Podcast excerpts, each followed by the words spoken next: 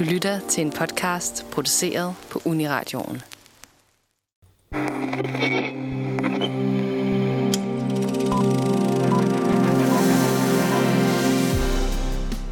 Dagens hovedperson har et CV, der spænder bredt fra edgy nabopige i komedien Superbad til afdanket narkoman i Oscar-baskeren Birdman. Man kender hende for hendes hæse røst og karismatiske personer, og så er hun lige nu aktuel i rollen som Bella Baxter i Poor Things. Hvis der er endnu er tvivl, så er det selvfølgelig Emma Stone, vi skal tale om. Vi skal vende hver en sten i vores søgen efter, hvad der gør Emma Stone så speciel, og drøfte, hvorfor hun muligvis er en af verdens bedste skuespillere lige nu. Velkommen til filmmagasinet Nosferatu.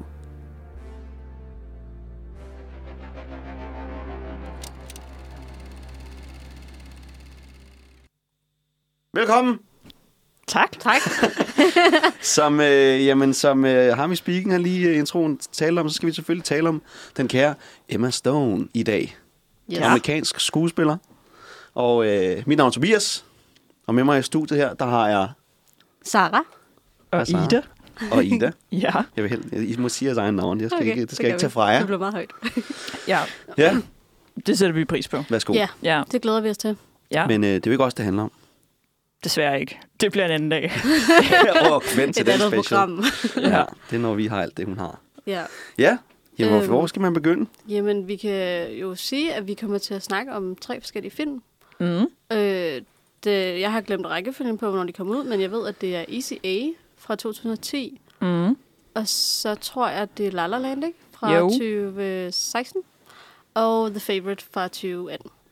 Det er nemlig rigtigt. De repræsenterer sådan lidt tre forskellige kapitler i, i Emmas liv, som øh, Tobias og jeg, da vi drøftede øh, forberedelserne til Emma-podcasten her, fordi vi er jo bare lidt på fornavn med Emma, det, det bliver man hurtigt. Ja, ja. Ja, at det er, det er lidt sjove Emma, vi skal Mm. snakke om, og vi skal snakke om drama Emma, Mm. og så skal vi snakke om skøre Emma. Skøre Emma, ja og som det er jo er nu. skøre Emma, føler jeg også, er hende, der er mest aktuel. Skøre I- Emma er aktuel, Det ja. er der, hun I er nu i hvert fald. Hun er i, præcis. hun er i en skør øh, Ja. Skør æra. på et Ja, skyd, det må skør æra lige nu, ja. Ja. Det er en, en, en meget øh, speciel og interessant udvikling. Men det kan være, at vi skal starte med et lidt personligt udgangspunkt. Uh, ja. Fordi hvordan... Øh, hvad er jeres første møde med, med Emma Stone? Du Jeg ligner en, der har noget at sige så. Ja, jeg kan godt starte. Det er fordi, at, øh, jeg kan huske i sådan, folkeskolen, eller var det gymnasiet, det er lige meget, øh, der fik jeg til lektie at se Niceville, som den jo hedder på dansk. Den hedder The Hood ja. på engelsk. Ja, Så meget skørt, de oversat den. Ja, seriøst mærkeligt, men den var seriøst fantastisk. Jeg så den med min far, og han var sådan der, hvordan er det her jeres lektie? Det er jo en banger-film. Mm. Mm. Altså sådan, der gik, men det, ja, det har må været i gym, fordi at jeg gik på øh, medievidenskab. Og øh, det var virkelig, det var fantastisk. Også fordi, at øh, der er alle mulige andre fabelagtige skuespillere med. Det er en fantastisk historie, og en virkelig god bog også, hvis man har læst den og kan lide at læse. Og der er hun jo også, der spiller hun jo sådan en, øh, en journalist, som gerne vil portrættere sorte kvinders sådan der liv. I den Jo. dybe syd. Ja, Deep Ja. South. præcis. Ja, det vil hun gerne sådan dokumentere ja. til Ja. offentligheden. Ja. Fordi de er jo The Help. Det er det, det? det er derfor, det er lang tid at se den. Ja. Præcis, jo. Okay, men det er simpelthen dit første møde med, Det er det. med Emma Stone. Har de vel både Emma Stone, Bryce Dallas Howard og Jessica Chastain? Ikke noget med, at folk ikke kender forskel på Bryce Dallas Howard og Jessica Chastain. så er det sådan lidt den hellige træenighed af Ja. Ginger, så er det ikke det? det Jo, jeg. altså i virkeligheden er Emma Stone jo ikke ginger. Nej, hun er nemlig er hun ikke det? blond. Ja, Nå, og der er overraskende mange mennesker, som er ret interesserede i hendes hårfarve. Mm. Men øh, ja, hun er faktisk blond. Ja. Men øh, jeg tror, hun har taget altså, sådan rødhåret på sig nu. ja. Men nu kan hun ikke skille det at være rødhåret fra at være Emma Stone. Nej. De to ting er uforenelige. Ja, det er rigtigt nok. ja. Hvad med dig, Tobias? Ja, jamen, øh, jamen det er jo apropos, hvornår hun så bliver rødhåret. Der, øh, som jeg kunne læse mig frem til på IMDb Trivia, så er det en vis Judd Apatow, øh, komikerkongen over i Hollywood, øh, som laver film, laver alle de der Knocked Up og med Seth Rogen og drengene der. Hvor hun jo i 2007 laver min, altså fuldstændig absolut yndlingskomediefilm nogensinde. Jeg ser den hver dag, i mit hoved i hvert fald. øh, Superbad. Yes. Der lærer jeg hende at kende, hvor hun spiller den her lidt uh, girl next door uh, type, uh, og kærlighedsinteresse for, uh, for den skønne Jonah Hill. Mm. Og der er hun jo bare super skøn og super sjov og, og virkelig sød. Uh, men hun cementerer sig for mig, tror jeg, som, som et girl i 2012, hvor det er, hun, hun bringer uh, den ikoniske Marvel-figur Gwen Stacy til live. Og det, uh, det var jeg meget op at køre over, omkring sådan en tegneserielæser som mig. Mm. Ja. Så der vandt hun mig virkelig, virkelig over. Okay, og hun vandt dig, selvom at det er Andrew Garfield Spider-Man. Jeg er jo, øh, jamen jeg, jeg er jo, jeg, jeg, jeg, vil ikke, jeg vil ikke dø ved sværet, men jeg vil, øh, jeg vil, jeg vil, jeg vil til, så, så, så hyppigt som muligt til, til tider, så vil jeg gerne beskytte de to halvdårlige Spider-Man-film. Jeg, jeg synes, de har noget. Jeg synes Øh, ikke engang, de er dårlige. Nej, men det, og det er det, jeg mener. Øh, og det, jeg specifikt også nemlig, den har, det er, at den har de to. Mm. Så Emma Stone er en af grundene til, at du faktisk står ved, at du godt kan lide Andrew Garfield Spider-Man-filmene. Jamen, det er fordi, at det, jeg synes, at de gør godt, de to film, det er jo, at de har et meget, de, de lægger meget vægt på sådan en kærligheds, øh, en Mm. romance man mellem de sige. to, og der er de to bare skønne sammen. Ja, de er Mm. ret skønne. Jeg tror, Det de blev, par. også, øh, de blev også virkelighedskærester bagefter, ikke? Det gjorde Eller de. imens, eller hvad det er. Cute. De var i hvert fald virkelighedskærester under indspillingen af film nummer to, tror jeg. Man siger i hvert fald, der er jo, der er jo en Spider-Man curse, åbenbart. At man, Altså, øh, a blessing. At, øh, eller It's blessing, ja. At Tobey det Maguire, god- Kirsten Dunst, og så de to, og så nu Ja, Ja. det er Tom meget Holland skønt. og Zendaya. Ja. Så øhm, hun vil altid være min Gwen Stacy. Nå. Nå, Mm. hvor rørende.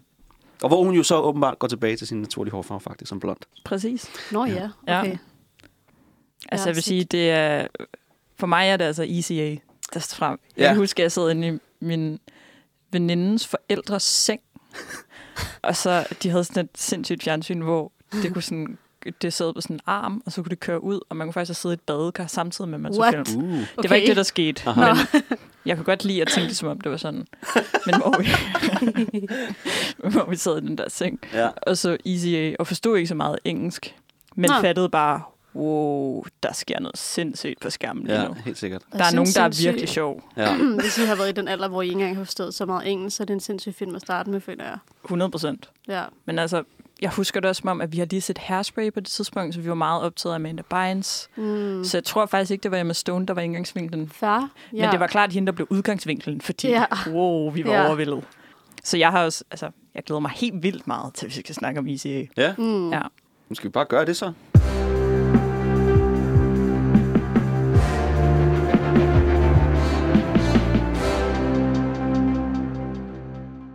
Vi snakker som sagt om Emma Stone, og lige om lidt, der skal vi snakke om ECA.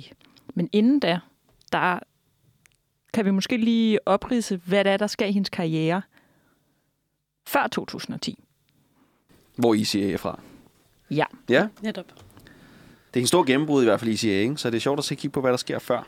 Mm. Og det er ligesom en del af den her æra, som vi har valgt at kalde Sjov Emma. Ja, Og øh, ECA er så også hendes øh, første hovedrolle, mm. så inden da har det været nogle mindre biroller, hvoraf Superbad, som du var inde på, Mhm. mm-hmm. Tobias, nok er den, som mest ikke blot cementerer hendes ankomst i din sådan, bevidsthed, men også i Ja, filmverdens Ja. bevidsthed. ja, At øh, der har Emma Stone altså meldt sin ankomst. ja. Ja, hun bliver ligesom indrullet inde i sådan her... Fordi de der, altså de der superbad mennesker, der, det er de samme, der laver alle de der... Altså det er det der Seth Rogen crew, ikke? Som man kender fra Knocked Up og This is the End og hele det der. Og, øh, øh, og så jeg tænker, hun bliver lidt, kommer lidt ind i varmen hos, hos dem og hos Judd Apatow og sådan noget, ikke? Og så er det ligesom, at hun er sjov i, i, mm. i, i en lille del af sin karriere. Men ja, det, det er ikke fordi, at der er noget før Superbad, som er, er sjovt at, at lægge mærke til. Hun, øh, hun lagde stemme til, øh, til en hund i The Sweet Life of Zack and Cody. Det har jeg lagt mærke til. Det synes jeg var ret sjovt. Ivana Tipton, for jeg ved ikke, hvad er det, hun hedder, hende der? Øh, Brenda Song. Ja. Ja. ja. Er det hendes hund? Ja, det må det jo være. ja. Det er sjovt. Det er kun Ja. ja. en episode, hvor hunden om snakker. og når den snakker, så er det Emma Stone. Ja. Og Brenda Song, det er jo hende, der er gift med fyren fra Alene Hjemme, Ej, ja. som Emma Stone jo også har datet. Ja, fuld, fuld Nå, cirkel. gud. Det er fuld cirkel. Det Jamen, jeg- det er Okay, sindssygt. Ja. Nå. Og inden da kan man også bare sige, at der er mange, der er mange komedier. Det er Zombieland, det er øh, ja. Ja. The Rocker, og det er The House Bunny, og det er sådan nogle lidt.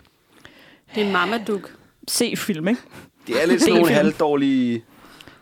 Jo, det er det. Ghost of Girlfriends Past, det var da Matthew McConaughey stadigvæk var fanget i sit uh, romcom. Ja, sådan lidt et moderne take på øh, Christmas Carol. Ja, det var ikke helt godt. Og der spiller hun Nej. en af dem, sådan en 80'er pige. Som Så måske åbenbart- også sådan lidt en klassisk indgang til Hollywood, at man spiller en masse små biroller i nogle lidt små ligegyldige produktioner, og så har hun så Mm. været så heldig, at Superbad endte med at blive sådan lidt en, en moderne klassiker, Mm. eller, eller Mean Girls. Mm. Ja, Men så kommer ECA mm, i 2010, i 2010. som er en film, der handler om Olive Pendergast, som er spillet af Emma Stone. Og øh, hun bliver inviteret på weekend af sin, øh, af sin gode veninde. Og øh, den her veninde har en virkelig skør familie. Så hun er sådan, det vil jeg ikke, øh, det vil jeg ikke med til. Så hun fyrer en lille løgn om, at øh, hun skal på en date. Mm-hmm. Og øh, da hun så kommer tilbage fra den her sommerhustur, der, øh, der bliver hun altså holdt op på den her løgn. Mm. Og veninden vil have alle detaljerne. Hvad er der sket på den her date? Hvad med det her? Hvad med det her? Hvad med det her? Og øh, pludselig, så er der en historie om, at øh, Olive, hun har altså bare knaldet med ham her collegefyren hele weekenden. Okay. Og øh, det, Det går Det- alle bare rigtig meget op i. det går alle rigtig meget op i. Det er lidt en klassisk, sådan en fjer bliver til fem døde høns, hvis man skal være lidt i noget Ja. H.C. Andersen-terminologi Ja, Mm. øh, i historie. ja. Og øh, Olives måde at cope med den her, det her rygte, mm. det bliver at øh, imødekomme, okay, hvis det er det her, I tror, jeg er, så lad mig være det. Mm. Mm. Øhm, der er dog den lille detalje, at øh, Olive har aldrig været sammen med nogen. Og de Mm. her mennesker, som øh, hun siger, hun har været sammen med, det er egentlig bare nogle aftaler, hun laver med dem, hvor de lader som om, de har sex. Men øh, det har de ikke. Og så får hun gavekort til alle mulige latterlige steder, byggemarkeder og Ilva og Mm. underlige ting. Altså, hun bliver lidt... Øhm, ja. De har i, i oversættelsen, altså school slut, Ja, men Ja. i den danske oversættelse, skolens matzo, det synes jeg er lidt det er ærgerligt. lidt voldsomt måske. Men det kommer, ja, jeg vil som sige, hændelsen, der, der får ligesom snebolden til at blive større, det er en eller anden gammel ven, ham der Brandon, ikke? Jo. som Jo. så er homoseksuel, og heller ikke vil have, at nogen finder rigtig ud af det, fordi det er også lidt et rygte, så der er også rygte omkring ham. Sen, ja. Rygterne går meget hurtigt på den her skole. Det må Ja. sådan nogle ret sjove scener, hvor det sådan, man følger sådan speedet op øh, gennem, og så ryger det altid tilbage til personen, det handler om, og så står de der og tænker, hvordan skete det lige så hurtigt, jeg har lige sagt det. Ja. Ja. Øh, men så fordi han vil, ind, han vil bibeholde hemmeligheden om sin seksualitet, så, Eller i hvert fald få folk til ikke at mobbe ham ja, for det. så spørger han Olive, om hun vil være hans fake kæreste, og så fake boller de til en fest. Ja. Og så kører ligesom den der, at folk får, har f- en for at vide af ham, Brandon, at det var faktisk bare for sjov, og Ja. hvis du også har et problem, kan du komme til Olive, og så fikser hun. Hun er ligesom sådan en, hun er sådan en, øh, en, sådan en virgin fixer. Ja, men Ja. først så er hun sådan, jeg, det er, du ved, så har hun lidt respekt for sig selv, og sådan, det skal jeg ikke. Altså, Mm. hun synes, det er sindssygt, at ham her kommer og spørger om, kan du gøre det samme for mig? Og det, jeg synes, der er lidt spændende ved den specifikke scene, er, at det er, altså, det er jo en lidt buttet fyr, der kommer op, og han er behåret, og stakkels fyr, der kommer og bare sådan der, vil du ikke nok gøre det, så jeg har også brug for hjælp, og øh, hun er jo sådan der, øh, nej, hvorfor skulle jeg gøre det? Og så har han en lille, åh, jeg vidste det ikke ville virke, jeg er bare fed og Mm. klam og et eller andet. Mm. Og så er hun sådan, okay. Hvilket jeg synes er lidt ærgerligt. Altså det er sådan det, jeg synes, der er lidt ærgerligt den her film. Det er, at den, den tager de der sådan...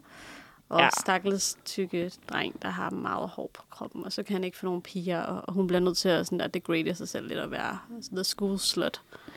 Ja, der er lidt nogle high school troper, Ja. som ikke falder så altså, heldigt ud. Ja, Og sådan slut-shaming undertone generelt. helt sikkert. Emma Mm. Stone har jo sådan en replik lige inden det her rygte bliver spredt, hvor hun er sådan, I'm not that kind of girl, til Mm. mm. sin veninde, Ja, om hvorvidt hun har haft sex endnu, hvor ja. det også er sådan, de går i high school. Mm. Altså, Ja, ja, netop. Ja.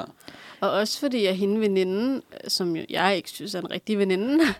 Øhm, hun siger jo også til at starte med sådan her, jeg kan egentlig ikke så godt lide, altså jeg, hun vil ikke på den der camp med hende eller sommer. Mm-mm. Og det er bare meget i starten af hende, Ree, hun er meget sådan, "Nå, men ej, selvfølgelig har du gjort det, og sådan, selvom øh, øh, Olive er sådan, nej, det har jeg ikke, så siger Olive det bare for at få hende til at holde mund. Mm. Og altså, så når hun får for meget opmærksomhed, så bliver Ree sådan der, okay, nu er du sådan der ikke en smet sov. Det er så tavligt. Det er det værste det venskab, jeg har set. Den bærer måske også bare meget præg af det der med, at den her high school vil gerne tro på rygterne. Altså, Helt rygtet sikkert. også primært eksisterer i kraft af, at de gerne vil have noget at snakke om. Og hvad tænker I så om Emma Stones præstation? Nu er virkelig god i den. Mm. Mm. Hvorfor Synes synes du, hun er god? Ja, det Puh, ja, hvorfor synes jeg, hun er god? Jeg synes, at hun er, hun er, hun er, jo- hun er hun har vildt god timing i den her, og hun, hun, hun, hun stensætter sig som en, øh, en, et, et komisk geni, der har vildt god timing, og samtidig er hun også charmerende, og, og har den der, jamen hun har, kører nok lidt på den der girl next door charme, og så er hun bare mega sjov, ja, og hun spiller også op imod, øh, og næsten spiller, spiller dem rundt på gulvet, øh, de her, der er ret mange øh, store biroller og store skuespillere rundt omkring i den her film, mm. og hun spiller bare op mod dem. Mm. Det synes jeg er mega imponerende, som sådan en, en, en, en ung øh, kvinde, som, øh, som har sin første hovedrolle. Det er meget på hendes skulder. Ja, Og så, øh, ja. men det har vi jo faktisk også et klip af, hvor hun er sammen med sine forældre, som spilles af Patricia Arquette og Stanley Tucci. Patricia Clarkson. Desværre ikke Patricia Arquette. Du har ret. Godt. Frast. Nunt. You're just saying sounds. There's sounds. Spell it with your P's. Oh yeah, spell it with your P's. Do it. I will take that challenge. I like that. All right. So does this have anything to do with the rumor that you mentioned the other night? Do you need to talk to us about something, sweetie? What's that? Twit. That's an A, honey. And it's a word that'll get you sent to the principal's office. It's a bad word. Sit down. Det er sådan en skøn lille kernefamilie, de har der. Ja. Mm. Øh, forældrene er bare sådan nogle, de ligner, de, de er sådan nogle, øh, kommer Woodstock øh, hippie øh, generation, og de er bare totalt åbne, og så har de et fantastisk forhold til deres datter, og de har en øh, adoptiv søn, og faren har nogle fantastiske jokes med ham sønnen der, og sidder og leger, han ryger på en øh, bønne og sidder og kigger på mig og siger, så hvor er du fra originalt? Ja. Og sådan noget. Ja. Øh, og sønnen selv nævner, jeg, jeg, de snakker om gener. Og hun, han siger, ja, hvad mener I, jeg er adopteret? Og så Stelle Tucci bare, hvad? Nej, who told you? ja, Det er bare, ja. Og det er sådan, det føler jeg også, comedic timing er jo perfekt fra øh, især forældrene også, mm. øh, udover Emma. Det er jo perfekt, hvordan at de, som Tobias siger, spiller så godt op mod hinanden. Ja, Jamen, det er rigtigt. Og jeg synes egentlig også, altså Emma Stone er klart også en af årsagerne til, at filmen fungerer så godt. Men jeg synes også, det er et virkelig velskrevet manus. Mm. Men manus fungerer også kun i kraft af, at de har en hovedrolle, som ligesom kan bære det, og som har den komiske timing, som Mm. du har snakket om, Tobias, Mm. som, kan spille, som kan gøre, at forældrene kan spille bold op af det, Præcis. Mm. og at det ikke falder til jorden. At Præcis. man ikke er sådan, "Åh, det var da godt nok en lidt ærgerlig hovedrolle, Ja. de har castet der. Ja. Ja, og, og jeg føler også især, jeg kan, den første scene, jeg nok så fra ICA, det var nok ikke der, jeg så filmen, det var bare sådan en klip, jeg så, hvor uh, hun hørte den der Pocket Full of Sunshine Mm. sang. Ikonisk. Som jeg bare synes er, altså ja, netop ikonisk. Og hun, hun er bare så naturligt sjov, og naturligt, hun er bare virkelig sådan den karakter, og det synes jeg, hun er så god til med alle de forskellige karakterer, vi skal snakke om. Ja. Øhm, og virkelig være så overbevisende, og så øh, altså leve sig så meget ind i det. Jeg synes også, at den her karakter viser, hvor lidt forfængelig hun er. Altså, hun er Mm. virkelig altså, smuk ung kvinde, Mm. Men hun er også antiforfængelig, og Mm. tør godt være grim og virkelig ekspressiv. Mm. Og det er også meget det, der, hvor hun har sådan lidt, ikke sammenligneligt, men lidt Jim Carrey undertone i kraft af, at sådan, hun Mm. bruger sit ansigt helt vildt meget, Mm. Helt vildt. uden at det bliver, altså sådan, at det skygger for hendes præstation, Mm. men at det bare underbygger de ting, som hendes karakter skal fortælle. Der er jo også noget ved, at hun har også et meget specielt ansigt. Altså sådan, jeg kan huske, jeg, da jeg fortalte en af mine kammerater, at jeg skulle lave det her program, så var øh, han eller hun sådan, "Og er det hende med det mærkelige ansigt? Og jeg var sådan her, det kan være mange ting. Men ja, I guess, fordi hun har de her store øjne, og hun netop, altså hendes mimik er helt vild, når hun sådan der snakker og prøver, hun kan jo virkelig, hun er en af dem, der kan sådan der spille med ansigtet, er det det, man siger? Ja. Øhm, hvilket jeg føler, hun gør også meget i, øhm, i øhm, The Favourite, som vi skal snakke om senere. Mm. Øhm, mere end, end her er det meget også kropsligt, og det er meget den måde, hun går på og bærer sig selv på Ja, i ECA. så sjove Emma er ligesom også båret af, at Emma Stone, som... Nu kender vi hende ikke, men hvis nu vi lader som om, vi kender hende. Mm. Jeg Jeg, må går gå, ud, jeg må gå lige ud i rummet, så vi skal lige snakke om det. vi går ud fra, at hun som person jo nok er ret sjov. Altså de Ja. interviews, jeg har set med hende i hvert fald. Ja. Mm. Altså hun bare er Ja. naturligt Ja. sjov Ja. og karismatisk. Mm. Og at det selvfølgelig også smitter af i en komediefilm, men hun virkelig formår at bruge de værktøjer, hun har fra naturens side, Mm. på en virkelig vellykket måde, uden at det tager overhånd, at hun hele tiden skal være sjov. Ja. Men det er altid så perfekt timet, og så perfekt afstemt i forhold til de scener, hun er med i. Fordi det er jo egentlig også... Altså, der sker nogle ting i den her film, som også er ret... Hmm, alvorlige, har jeg ikke lyst til at kalde det, fordi det er en komediefilm med stort K. Ja. Men Ja. Men Tunge. Der, Ja, ja. ja. Nu ved jeg ikke, hvad du tænker på, men der er jo for eksempel også den scene, hvor at der er en fyr, som hun vist rigtig godt kan lide, hun tager på date med, som øh, de ender så med at tage væk fra daten, fordi hendes øh, veninde, der som jeg ikke synes er god veninde, øh, også sidder på restauranten, og hun er kunne lide den samme fyr og sådan noget. Så, så øh, Olive er jo en god veninde og siger, øh, vi skal lige væk ind hos os. mm, Og de kommer så ud, og så finder hun ud af, at han øhm, bare vil knalde hende ligesom alle andre. Øhm, og det synes jeg var, var voldsomt på den måde, at han nærmest tvinger hende. Eller sådan, han prøver virkelig at... Øh, ja. Indtil at hun jo så slår hun ham eller sådan noget. Øhm, skubber ham i hvert fald væk. Ja. Ja. og så kommer Todd og sådan... Todd, som er spillet af Dan Humphrey Todd.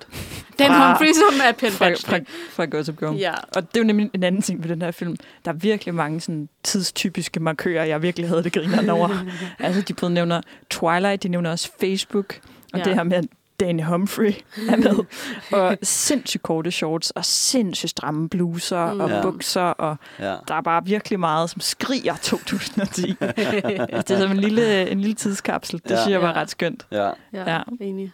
Ja, blast from the past. Blast from the past. Ja, og der må man sige, slut-shaming-ånden lever Ja. nok også i bedste velgående i 2010, tror jeg. Ja. Den er lidt forsonende til sidst, Mm. hvor hun ligesom siger, at det rager faktisk overhovedet ikke jeg, Ja. ja. hvem Mm. jeg går og boller med. Mm. Men, og også især fordi moren jo åbenbart så har været ægte school slut. Ja, det var fedt. Ja, da man ikke troede, moren kunne blive mere fed, der Ja. blev hun bare lige... Ja, men der, Ja.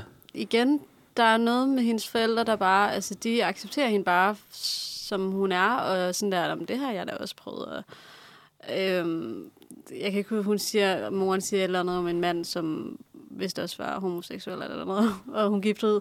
Så nej, så siger Emma, øh, Olive, jeg håber ikke, du giftede dig med ham, fordi Ja, så nu ville det være skal du hendes ikke far. please sige, du ikke har giftet dig med ham og fik børn ja, med ham. ja, ja, Ja. Altså, det, det er sådan nogle og ting der, de selv, har... ja, nej, nej, selvom din far godt måske et eller andet kunne. Ja, Et eller andet. Faren kommer også ind senere og siger, at han også har haft en homofase, ja. Ja, faktisk, på De er, de er virkelig skønne, og de har virkelig, selvom alle, der, er der er jo faktisk rigtig mange bikarakterer, mm. øhm, så synes jeg også, at de har formået at give alle sådan en meget betydelig rolle, selv ham der, der får klamydia, og, og hende, øhm, der er jo så hans kæreste, øh, hvad er det? Øh, ja, Det er så Amanda Bynes. Ja, det er Amanda Netop. Bynes. Oh, ja.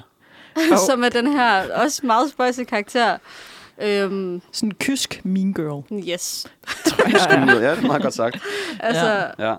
Marianne. så spøjs med, med det her, hun bare tror på Gud, og er sådan, Gud skal nok hold you responsible for din...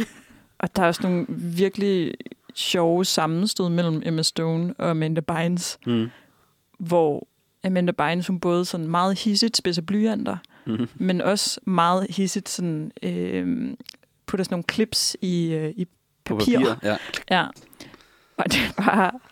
Det er, det er også nogle scener i filmen, hvor den tror jeg sgu ikke var gået, hvis det var en anden Emma Stone, der sad i stolen overfor og skulle reagere Mm. på det. Nej, okay. Fordi det er så fjollet. Ja. Altså, det er så sindssygt fjollet, at det kun fungerer i kraft af, at Emma Stone ligesom har en naturlighed over at reagere på det, uden Mm. at det bliver overgjort. Right. Mm. Ja. Men Amanda Bynes skal vi lige hurtigt snakke om. Jeg er med på, at det her er Emma Stone, men Amanda Bynes, hvor er hun? Fordi det her er det sidste. Hvor er Jeg tror, at det her er den sidste film, hun er med i, for hun bare forsvinder fra jordens overflade. Det er den sidste film, hun laver. Ja, Ifølge hendes credit, ja, CTV, så ja. ja. ICA 2010. Og så er der ikke mere efter. Okay, måske... Ej, vi skal jo holde Emma sporet, men så vil jeg bare gerne lige lave et shout-out til Amanda Bynes. Okay. Ja. Fordi jeg savner hende, og She's the Man, Hairspray, ECA. Det er den hellige træenighed for mig på det i anno 2010. Fedt. Ja, så, øh, men sjov Emma, Ja, det er hende, vi snakker om. det er hende, vi taler om. Ja. Ja, Og- Mm. det kan være, at vi skal snakke lidt om, hvad, hvad sker der efter ECA? Fordi det her er jo sådan... et gennembrud for Emma Stone i kraft af, at det er hendes første hovedrolle, Mm. og at det rent faktisk er en high school komedie, som så vidt jeg husker ikke bliver slagtet af anmelderne. Mm. Den er ikke Den har da gode, ja, den har gode anmeldelser i forhold til sådan andre film i samme genre, så den her er ret vellykket. Mm. Og der er sådan ret bred enighed om, at det kom de ret godt afsted med. Mm. Blandt andet i kraft af Emma Stone. Ja. Ja, Jeg føler ja. jo, at øhm, øh, den anden film, som jeg så med hende, hvor, som jeg også bare virkelig elskede og stadig elsker, Crazy Stupid Love, spiller hun meget samme karakter. I godt nok sådan der mere moden, mere voksen, men meget stadig quirky og sjov og cute. Mm. Men Crazy Stupid Love er måske også det, som afslutter sjov Emma Eran, som er fra 2011. Ja, Fordi det samme år udkommer Niceville nemlig. Så som var den, jeg snakkede det er ligesom om. ja. der, vi siger farvel til hende. Men vi siger også goddag til et Til- uh, til Emma Stone og drama. Ryan Gosling samarbejde Klart. i Crazy Stupid Love. Og vi siger også goddag til drama. Så der, er ligesom, der sker sindssygt meget i 2011. Ja. Det er altså bare året. Det er noget af et shift for hende, ja. Men også, altså, shout out to Crazy Stupid Love, fordi jeg, jeg ved ikke om, hvad, hvad tænker I sådan der? For jeg var egentlig også, det var en af de film, jeg gerne måske ville have haft med, men jeg forstår også Mm. godt, at vi ikke har det. Ja. Fordi den er kæmpe, og altså, den er... Jeg ved ikke, jeg kan bedre lide den end Initiative, faktisk, det vil jeg sige. Mm. Det er også to meget forskellige film, ikke? Altså, Jo. hun spiller også... Øh, Men- hun spiller også... Jeg tænker, hun spiller ældre end sin alder, for eksempel i Crazy Stupid Love, Ja, hvor hun går, altså fra et år, fra et, 10, 10 til 11, der går hun fra at være en high school i ECA til Crazy Stupid Love, der er hun en meget ja, voksen, moden meget kvinde. Voksen, moden. Ja, Ja. ja, men jeg synes, det er Øh. meget samme film, eller samme vibe, øh, hvis man skal sige med et øh, moderne ord. Ja. Mm. af, af det her komedie-tema, skulle jeg så kalde det, genre, stort øh, cast, alle spiller så godt op mod hinanden, perfekt comedic timing, referencer til, til det der løft, for eksempel. Ja. altså sådan, den har lidt det samme, den er- har lidt de samme ting, Ja, det hvor jeg kan- synes, man de minder lidt om hinanden. Det kan i hvert fald også være begge to af film, der, prøver, der i hvert fald øh, kigger på kærlighed og sex og dating på en... De vil gerne kigge på det lidt måske anderledes, end hvad der måske bare er en normal, typisk tilgang til det, ikke? Mm. Hvor ECA prøver ligesom at tage det her slut slash public shaming og vende det på hovedet. Ja. Og så ser de ligesom, hvad der sker. Hvor Crazy Stupid Love også vælger at kigge på... Det er også en atypisk romantisk komedie, ikke? Jo. Øhm, Vi har slet ikke nævnt det der A, hun faktisk går rundt med jo. Sådan der, det er jo også lidt sjovt. I ECA. I ECA, hvis Ja, vi lige skal ECA, vende tilbage ja, sorry. til... Ja, ja, nej, ja, det var bare fordi, jeg kom til at tænke på det, at det er jo fordi, hun også har den der bog, hun skal læse i skolen. Som den her film vist også, er den ikke lidt baseret på? Den er vist halvt baseret ud fra den her originale øhm, bog, der hedder The Scarlet Letter. The Scarlet Letter, ja, hvor at, at der er en, der går med sådan et, øh, et A, fordi at hun har fået barnet for ægteskab, ikke? Jo, fordi hun er hovedet. Det er Ja. sådan hovedårsagen til, Mm. at hun går rundt med det der A. Det vil sige, det var meget forvirrende for, øh, for 10 år i Ida. Mm. At den hed ECA, og nede i oversættelsen, så stod der Billy H. Og det... Nå, ja. Billy Det står nede i underteksterne. Ja. Nå, sjovt. Ja. Ja. Og så putter hun en dag på. Ja, det Ja, ja, men altså, fred være med det. Ja. Men øh, ja, det er rigtigt. Og det er den der klassiske Den med, har nogle at... gode undertekster. Jeg laver også mærke, sorry, Nej, da er okay. Rhiannon skal spørge hende, om hun over den weekend der har mistet sit øh, V-card, eller hvad man normalt Nå, hvad ja. man kan sige. Ja. Så jeg tror, hun siger, jeg kan ikke huske, hvad hun siger på engelsk, men på de danske undertekster, der står der, hun har fået sparket kælder, kældervinduet ind. Kældervinduet. Jeg havde ret over i går, da jeg så den. Jeg elsker jeg se. Jeg tror ikke, jeg så den med undertekst overhovedet. Alt gør dig sådan en tjeneste at se tingene med danske Ja, sådan nogle quirky, undersættelser. mærkelige gamle film Ej, der. Se dem sjovt. undertekster, fordi Ja. der er altså nogen, der har Det er tænkt, guld værd. ja, vi ved ikke, hvad det her hedder, og den er for smart for mig, så jeg skriver bare noget smart også. Ja. Ej, griner. Ja.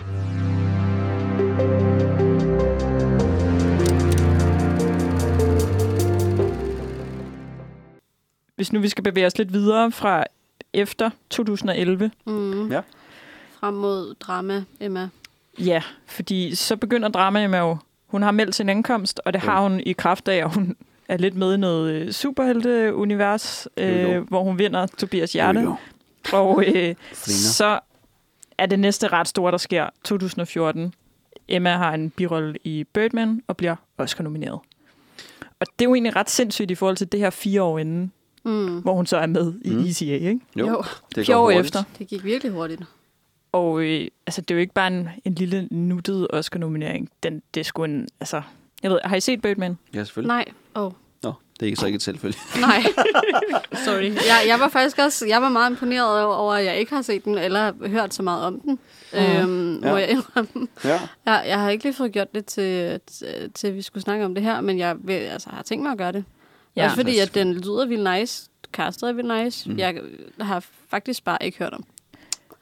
Ja, Okay, sygt nok. vildt. Ja, den er virkelig fed. Men Ja. ja. vi skal selvfølgelig ikke for meget ind i den, men øh, ja, det er bare en, ja, Michael Men jo, Keatons der store fik hun return, og- altså været sin, sin fa- første... Oscar-nominering, og den er altså sådan... Birdman er vigtig i kraft af, at jeg Drama Emma har meldt sin ankomst i 2014 i, med Niceville i 2011. Mm. Men det er der, hvor hun bliver sådan en af sværvægterne, hvor man er sådan, wow, hvad er det, der foregår derovre? Mm. Mm. Mm, ja, ja, hun får den der anerkendelse for det. Ja, og hun er virkelig, altså den klart en af hendes bedste roller. Ja, der, der er et kæmpe skift. Ja, Altså, og, er, det her hende for fire år siden, der spillede øh, hende der øh, i den der teenage drama, og nu spiller hun, øh, hun, hun, hun tager lidt stoffer og dårligt forhold til sin Hollywoodificerede far, som også er down Ja. spiral. Øh, og hendes store smukke øjne, der bare ser så triste ud. Og det, Ja. ja, det er faktisk rigtigt. Ja, hun Ja. er virkelig, ja, og hun har fået tatoveringer. Hun er, også, hun er meget tynd i den, og er meget sådan, øh, Ja. Ja, hun går virkelig all out. Det er fedt. mm, kæmpe skift, også for, nemlig fordi at hun er gået meget, man kan sige, på det her tidspunkt er hun også, hvad skal man sige, statueret sig som Hollywood, ikke? mm, Øh, og kommer fra de her, i hvert fald to, tre måske også, hvis det er med Gangster Squad, mm. øh, kæmpe Hollywood øh, blockbusters med mange penge og sådan noget, ikke? hvor hun er smuk og skøn, og det hele er fint og sådan noget, og så lige pludselig, ja, det er virkelig cool. Virkelig godt valg. virkelig, øh, virkelig velvalgt. Ja, Både af dem, der har castet hende, og at hun har sagt ja tak. ja. Ja. Men altså fra en Oscar-rolle til en anden, Ja. så skal, er det næste film, vi skal snakke om. Aloha. Ja, det er den taler om. Fordi den er Du læser efter. mine tanker. Du læser mine tanker. Yes. Nej, det er selvfølgelig La La Land fra 2016. Og Sara, vil du ikke øh, berige os med et lille recap af, hvad den handler om? Det er jo en uh, musical, så øh, lidt noget andet.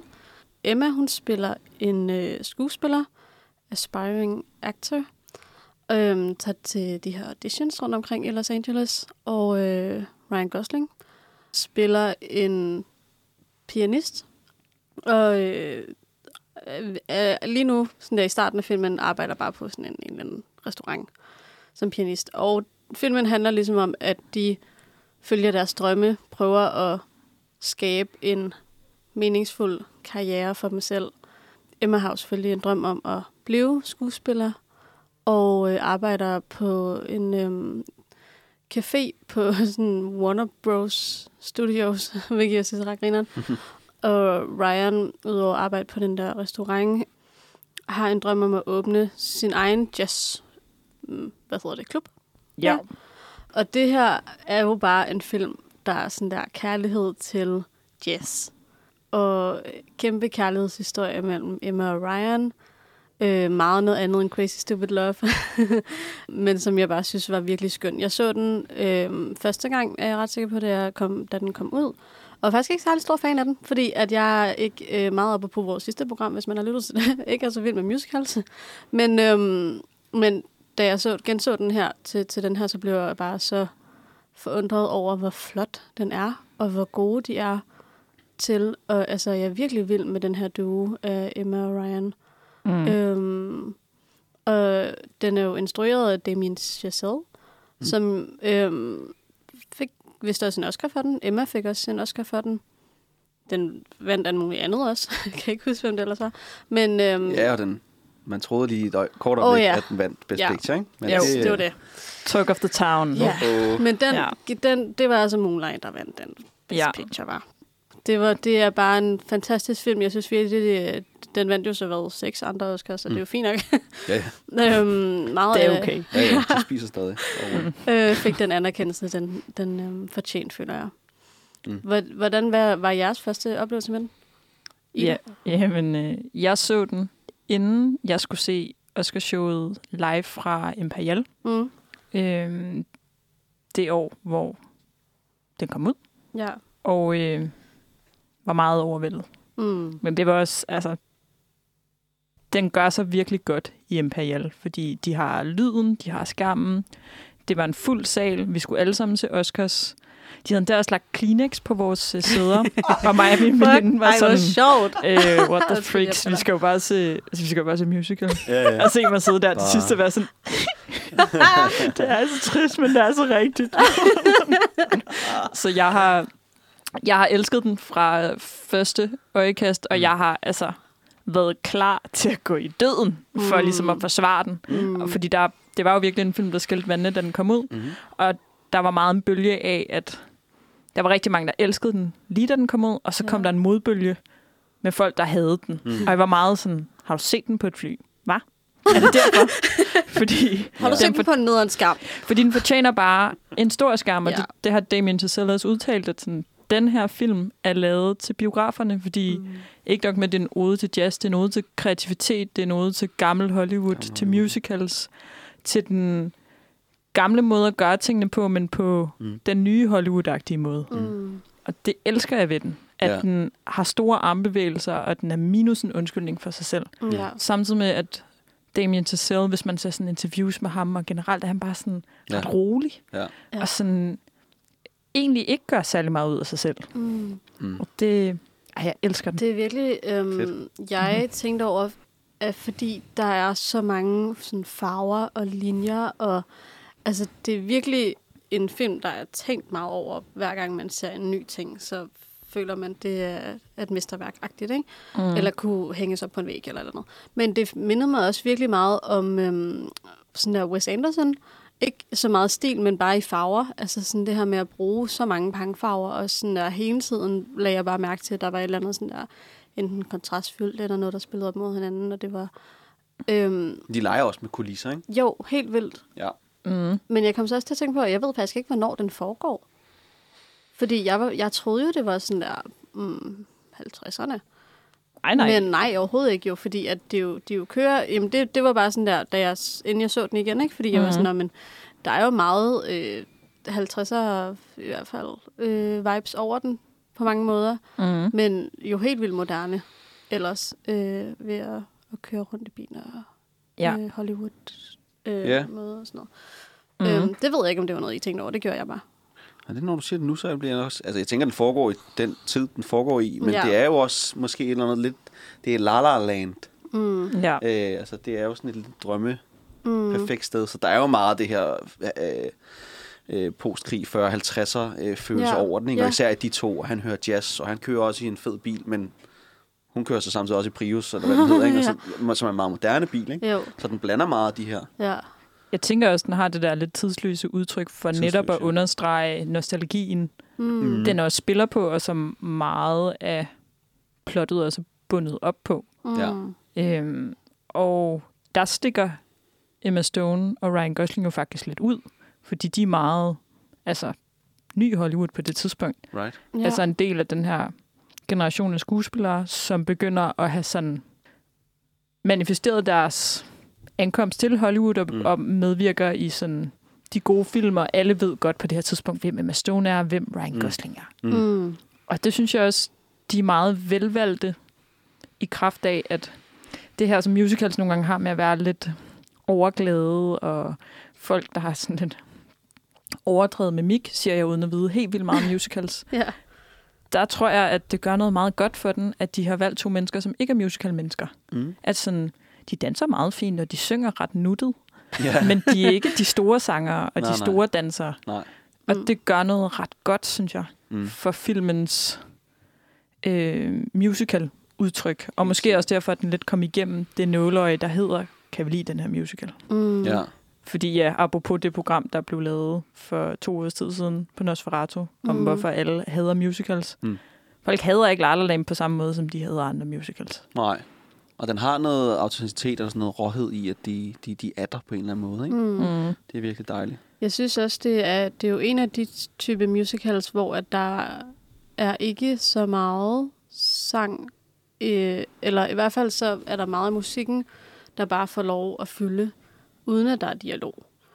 Og også selvom der nogle gange, altså selv når der er nogle scener, hvor at der, jeg kan huske, da jeg skulle, vi har nemlig taget klip med selvfølgelig, vi kan øh, snakke om bagefter, men det er svært at finde noget, hvor der ikke er musik på. Øhm, og det lægger man mærke til nu, når vi skal bruge det her, fordi der skal helst ikke være noget tydelig musik på.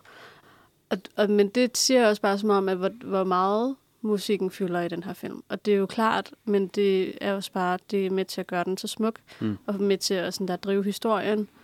Og det, øhm, det klip, vi har taget med i dag, det er et, hvor øh, øh, Sebastian og Mia, Mia. Som er Øh, Ryan Gosling og Emma Stone. Ja, præcis. De sidder øh, ligesom, øh, der har Sebastian fået, han er med i et band. et band sammen med John øh, Legend. Legend. Legend. Mm. Ja. What? øhm, en lille cameo fra ham. Nej, de bliver store, og han går ud på den her turné. Og øh, Emma føler ikke helt, at den her musik er lige ham. Fordi at det er ikke den her klassiske musik, som Sebastian gerne vil spille. Øhm, og som man har drømt om at, at lave og åbne en klub omkring. Så de har et, øh, et lille skænderi om, øhm, om deres fremtid, om det at drømme og følge sin drømme. You know, I have a steady job. This is what I'm doing. And now all of a sudden, if you had these problems, I wish you would have said them earlier before I signed on the goddamn dotted line. I'm pointing out that you had a dream that you followed, that you were this sticking is to. the dream. This is the dream. This is not your Guys dream. like me work their whole lives to be in something that's successful, that people like. You know? I mean, I'm finally in something that that that that that, that people enjoy. Since when do Just you 'cause I don't care enjoy about it being matter. liked?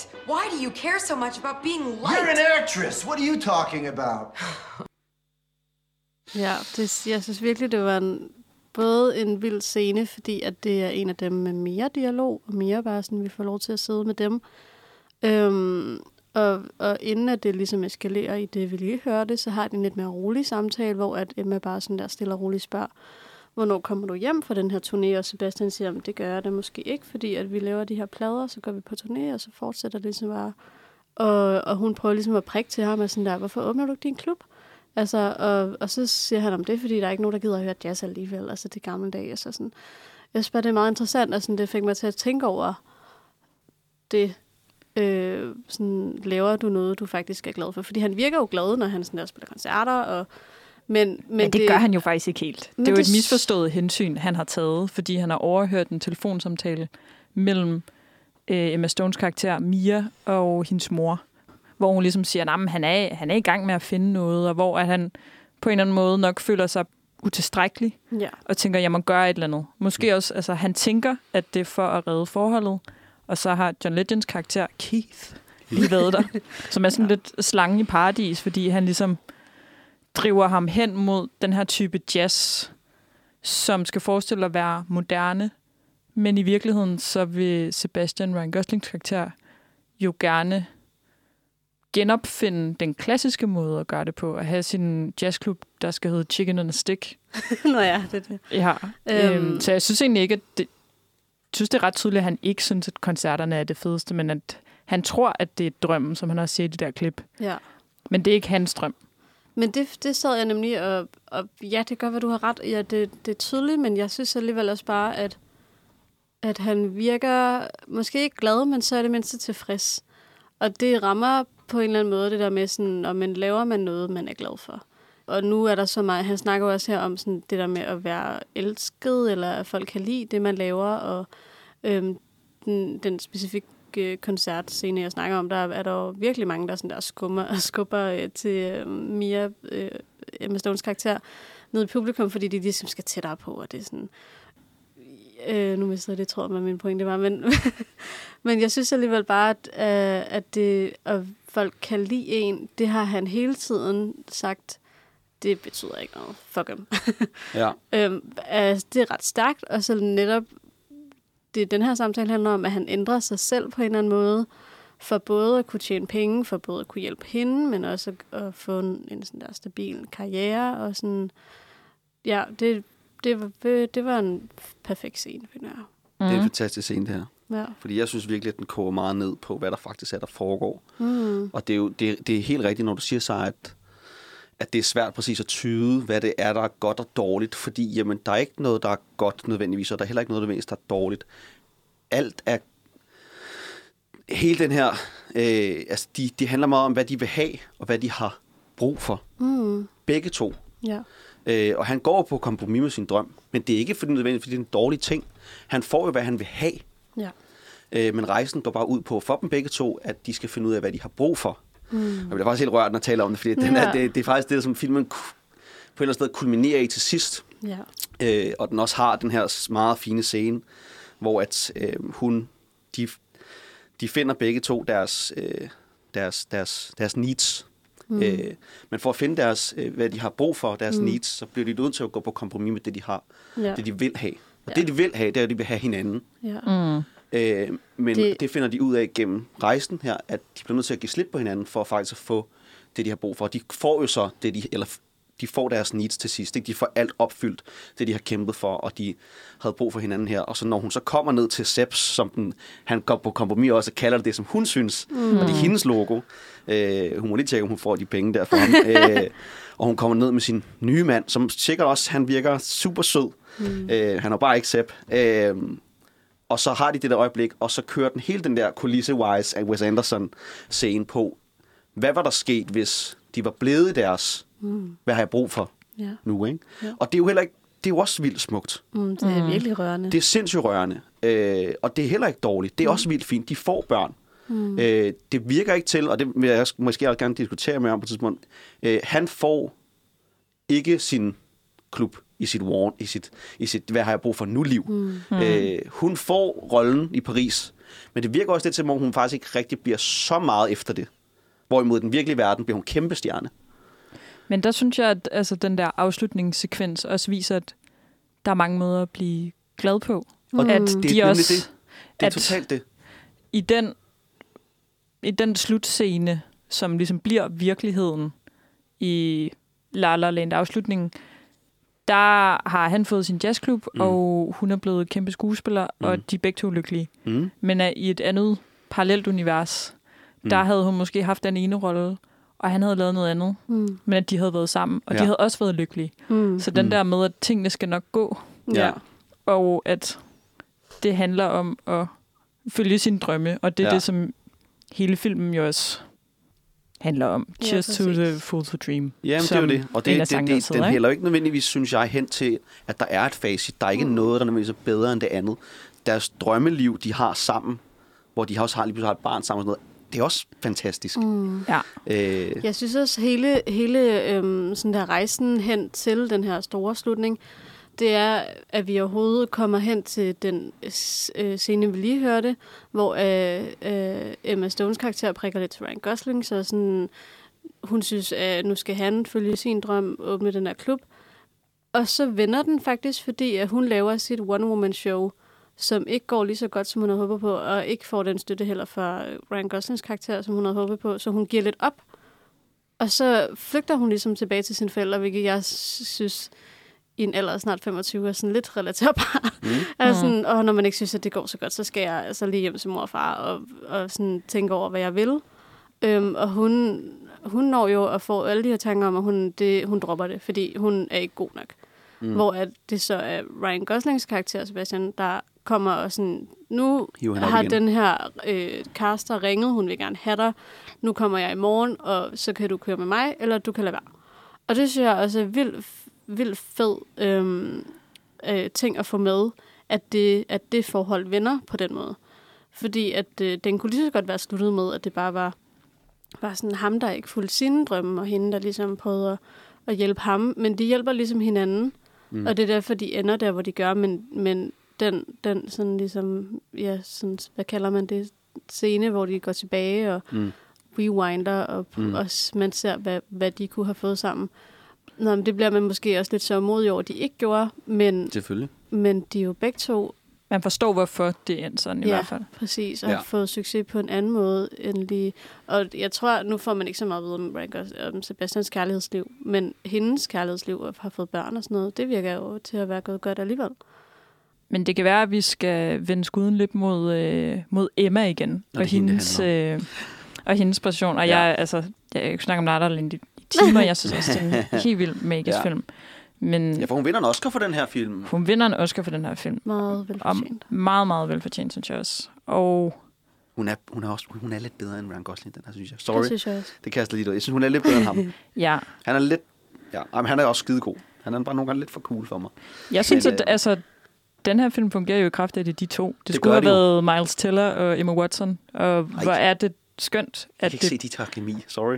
Nej, Mm. nej, det kan jeg heller ikke. Det havde været en helt anden film. Helt vildt. Og det, som Ryan Gosling og Emma Stone har til fælles, er jo også deres komiske timing. Ja, Og deres komiske sikkert. timing i forhold til hinanden, som er fuldkommen magisk. Ja, den er faktisk uh, kriminel.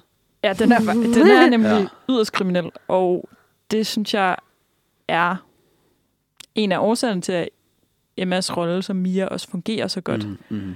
Og jeg synes, det er virkelig skønt, at der også er sådan en, en følsomhed i relationen mellem Mia og Sebastian, som vi netop også hørte i klippet, Mm. men som også gør det til en li- virkelig sådan delikat, nænsom Mm. skildring af to mennesker, som har fortjent hinanden Mm. i ordets øh, positive forstand, Mm. men som også spiller hinanden bedre, selv efter deres relation er stoppet. Mm. Og jeg synes, det er så vildt, at deres relation skildres med så få scener. I virkeligheden er der ikke særlig mange scener, som ligesom udvikler relationen. Mm. Men fordi det er de to, så tror vi bare på det lige med det samme. True. Det er faktisk meget godt sagt. Det, Det der, ja. er også meget godt til. det er meget ja. godt sagt. Tager For de har så meget kemi off-screen, kan man sige. Så bare det, man putter dem, at, at man køber kontrakten med det samme, fordi man ved, det er dem. Ja, ja, altså, og det, det fede er jo også, at de øhm, i starten af filmen øh, ikke, ikke, ikke kommer sådan der, hvad hedder sådan noget, øhm, de- de sidder i sådan, den der kø, og de jo får en dårlig start på deres sådan der forhold, eller sådan, og så bliver de ved med at møde hinanden. Og så er der den her fest eller et eller andet, hvor at de så har det her meget smukke øh, stykke musik, hvor de danser rundt om en lygtepæl og mm. alt det der, ikke? Mm.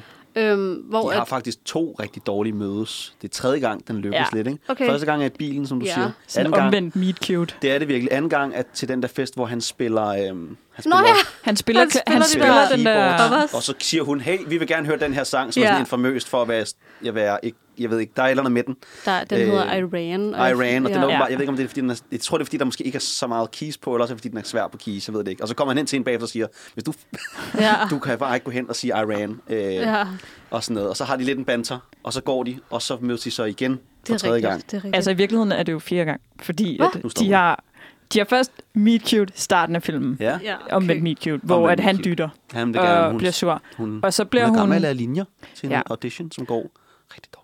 Ja.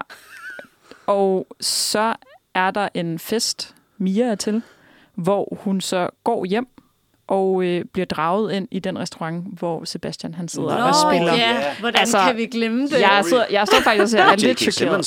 Shit. Det er nemlig J.K. Simmons-scenen, og det som den her film, jeg synes, det største kritikpunkt, det er, at de er virkelig dårlige biroller. Wow, de er Ja, fuldkommen tomme. Det er der, Og hvor han bliver Ticket. fyret fra sit job. Jo. Præcis, så der, Fordi- der er nemlig også restaurantscenen, hvor at det kunne have været den her virkelig fine, romantiske gestus, hvor hun kommer hen og sådan, wow, jeg har hørt det her stykke musik, du sidder og spiller, hvor bliver jeg bare bevæget. Mm. Men han er lige blevet fyret, så han fyrer bare ind i hende. Ja. Om, altså sådan overgår ikke engang at indse hende. nej. Og det er så det, hun konfronterer ham med Yes. til Og han siger også, han kan godt huske gang, dig, og sådan ja. tror jeg. Ja, det er rigtigt. Ja, så fjerde gang er lykkens gang. Det er rigtigt. Men og selv det er jo imponerende, bare lige vi står og snakker om det. Er jeg sådan fedt, at man kan lave det på tre forskellige måder, at de ligesom mødes og får den her relation til hinanden, som ikke er sådan der totalt positiv, men de er alligevel sådan lidt, lidt Mm. øhm, draget mm. af hinanden på en eller anden måde. Og så får de den her sådan der romantiske øhm, hun, og, og alligevel ikke, for inden at de danser sammen, så er de jo til en fest, hvor hun, hun er sådan der, hey, George Michael, eller eller noget. Ja, Ja, det er Hent lige rigtigt. bilen. ja. Altså, Ja. Ej, der er, bare, der er så meget sjov ved den, og der er så meget smuk ved den, og der er, øh, jeg ved ikke, den kan bare så mange ting. Den kan faktisk ret Det meget, kan ja. Og Og Emma var jo så det, vi kom fra. ja, drama Emma. ja, Fordi det her er vel sådan, eller sådan musikalsk drama. og meget Mm, sådan, ja, også, altså teater. Øhm, jeg- jeg lagde mærke til den der scene, hvor hun øh, kommer hjem efter en audition, tror jeg, og hun er sammen med sine roomies, og de sådan danser rundt i, i deres lejlighed-agtigt. Og så kom, altså, lejlighed. ja, virkelig stor lejlighed. Ja, hvor man Det ved jeg ikke, det er synes jeg- det, det er jo sådan i starten af filmen, der var jeg sådan her, okay, en anden, en anden type Emma. Ja. Altså, Mm. Der, men det fungerer. der er en mere øh, sådan underspillethed. Ja. Hvis nu vi sammenligner lidt med sjove Emma. Altså, hun er her klart også. Mm. Især i Iran-scenen. Mm. Der, har, der danser Nå, hun ja. lidt til øh, Iran, lige hvor den starter, hvor hun er så sindssygt ekspressiv. Helt Og det er, Det er virkelig sjovt. Jeg synes, det var Mhm. sygt akavet, men også sjovt. Ja, du er måske ret i, det også var akavet. Men jeg grinte Ja. alene. Så på den måde må det have været sjovt. Jeg tror også, det, må, det er meningen, det er meningen, det må, meningen, Ja. det må gerne må være lidt akavet. Ja. Ja. Øh, fordi at hun lige har gjort det der, som er pinligt for ham, og han står og har det akavet. Ja. Og så gør hun det næsten måske mere akavet for ham, og hun står bare og danser, Så og ingen danser andre for danser. sig selv. Ja. Er det Sådan der, jo, Det er så skønt. lipsynker. Ja, apropos det der med, at hun er minusforfængelig. At Fuldstændig. sådan, der ser hun virkelig sådan... Mm. Ikke grim er ikke det rigtige ord, men sådan... Men jo, altså Ja, sådan der grim med vilje. Ja, ja. skal man kalde det? Ja. Og det, og det er virkelig skønt. Ja. Men udover det er hun også bare virkelig underspillet, Mm. men også virkelig sød i den her rolle. Helt vildt. Virkelig, virkelig sød. Ja. Ja. Ja. Mm. Og Ryan Gosling og Emma Stone er virkelig Stone. søde Ja. sammen. ja, det er de virkelig. Det må man sige. Og det er de jo også i Crazy Stupid Love og i Gangster Squad, Gangster som Squad, kommer som lidt vi bare gik helt, helt over uden at snakke om. Ja, det var lidt ærgerligt. Den, var, Ja. ja. den, den, den, den har de valgt lidt at glemme. Ja. Eller, ja Og fordi- der må vi jo sige, der havde I jo ret med tredje gang af lykkens gang gang, fordi La La Land er det tredje samarbejde mellem mm. Ryan Gosling og Emma Stone. Mm. Og hvis man sidder derude på en regnværsdag og bare har det super nederen, gå ind og se nogle videoer med Emma Stone og Ryan Gosling. der bare snakker. Ja, er de er virkelig skønne. Ja, det er Ja. ret skønt. Jeg er ret forelsket i dem, Ja. må jeg bare sige, som Ja. par. Ja. Men som sådan arbejdspar. Arbejdspar, Ja. ja. Ja, der må Ja, jeg det er en sige, god- god duo. Leo og Kate, Oh, der, de har ingenting i Uh. forhold til øh, oh, Emma og Ryan. That's controversial. Der er det her Leo Kate for... Har de kun lavet to film sammen? Altså, hvad er det? Hvorfor Nej, er men folk de er bare skønne. De er bare de bedste platoniske venner nogensinde. Okay. Så meget kærlighed mellem dem.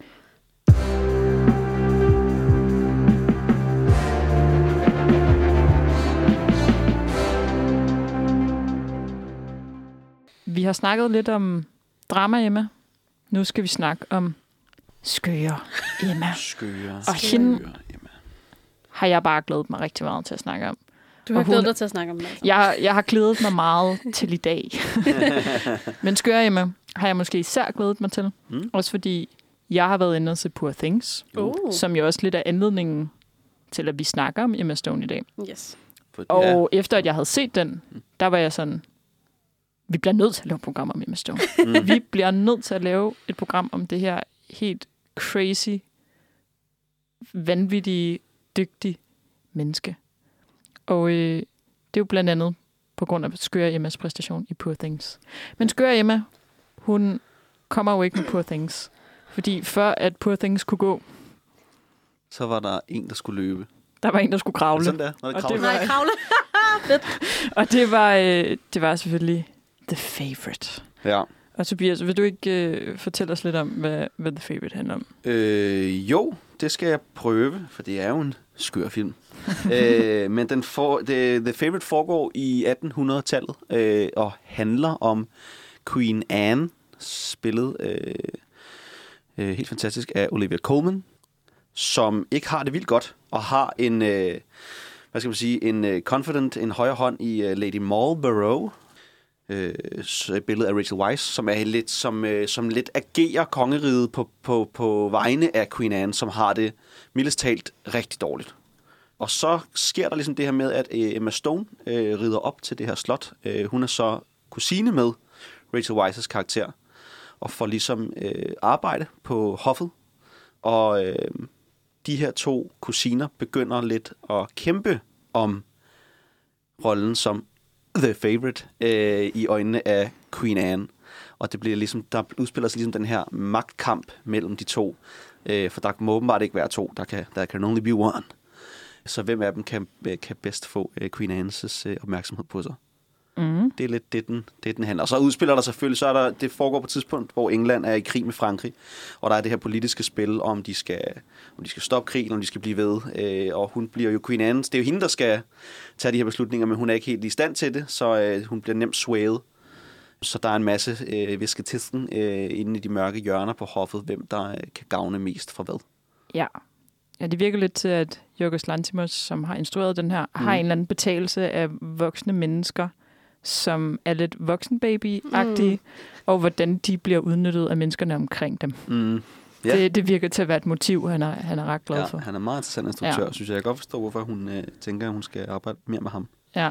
Men ud fra den beskrivelse, som du lige har givet, Tobias, Ja. der kunne det jo godt lidt lyde som et almindeligt historisk periodedrama. Øh, og hvilket så også kan forstå, at det jo delvist er, fordi det er baseret på virkelige hændelser jo. Det er rigtige karakterer, det her. Øh, Men det kan være, at vi lige skal snakke Men- om, hvorfor det ikke er det.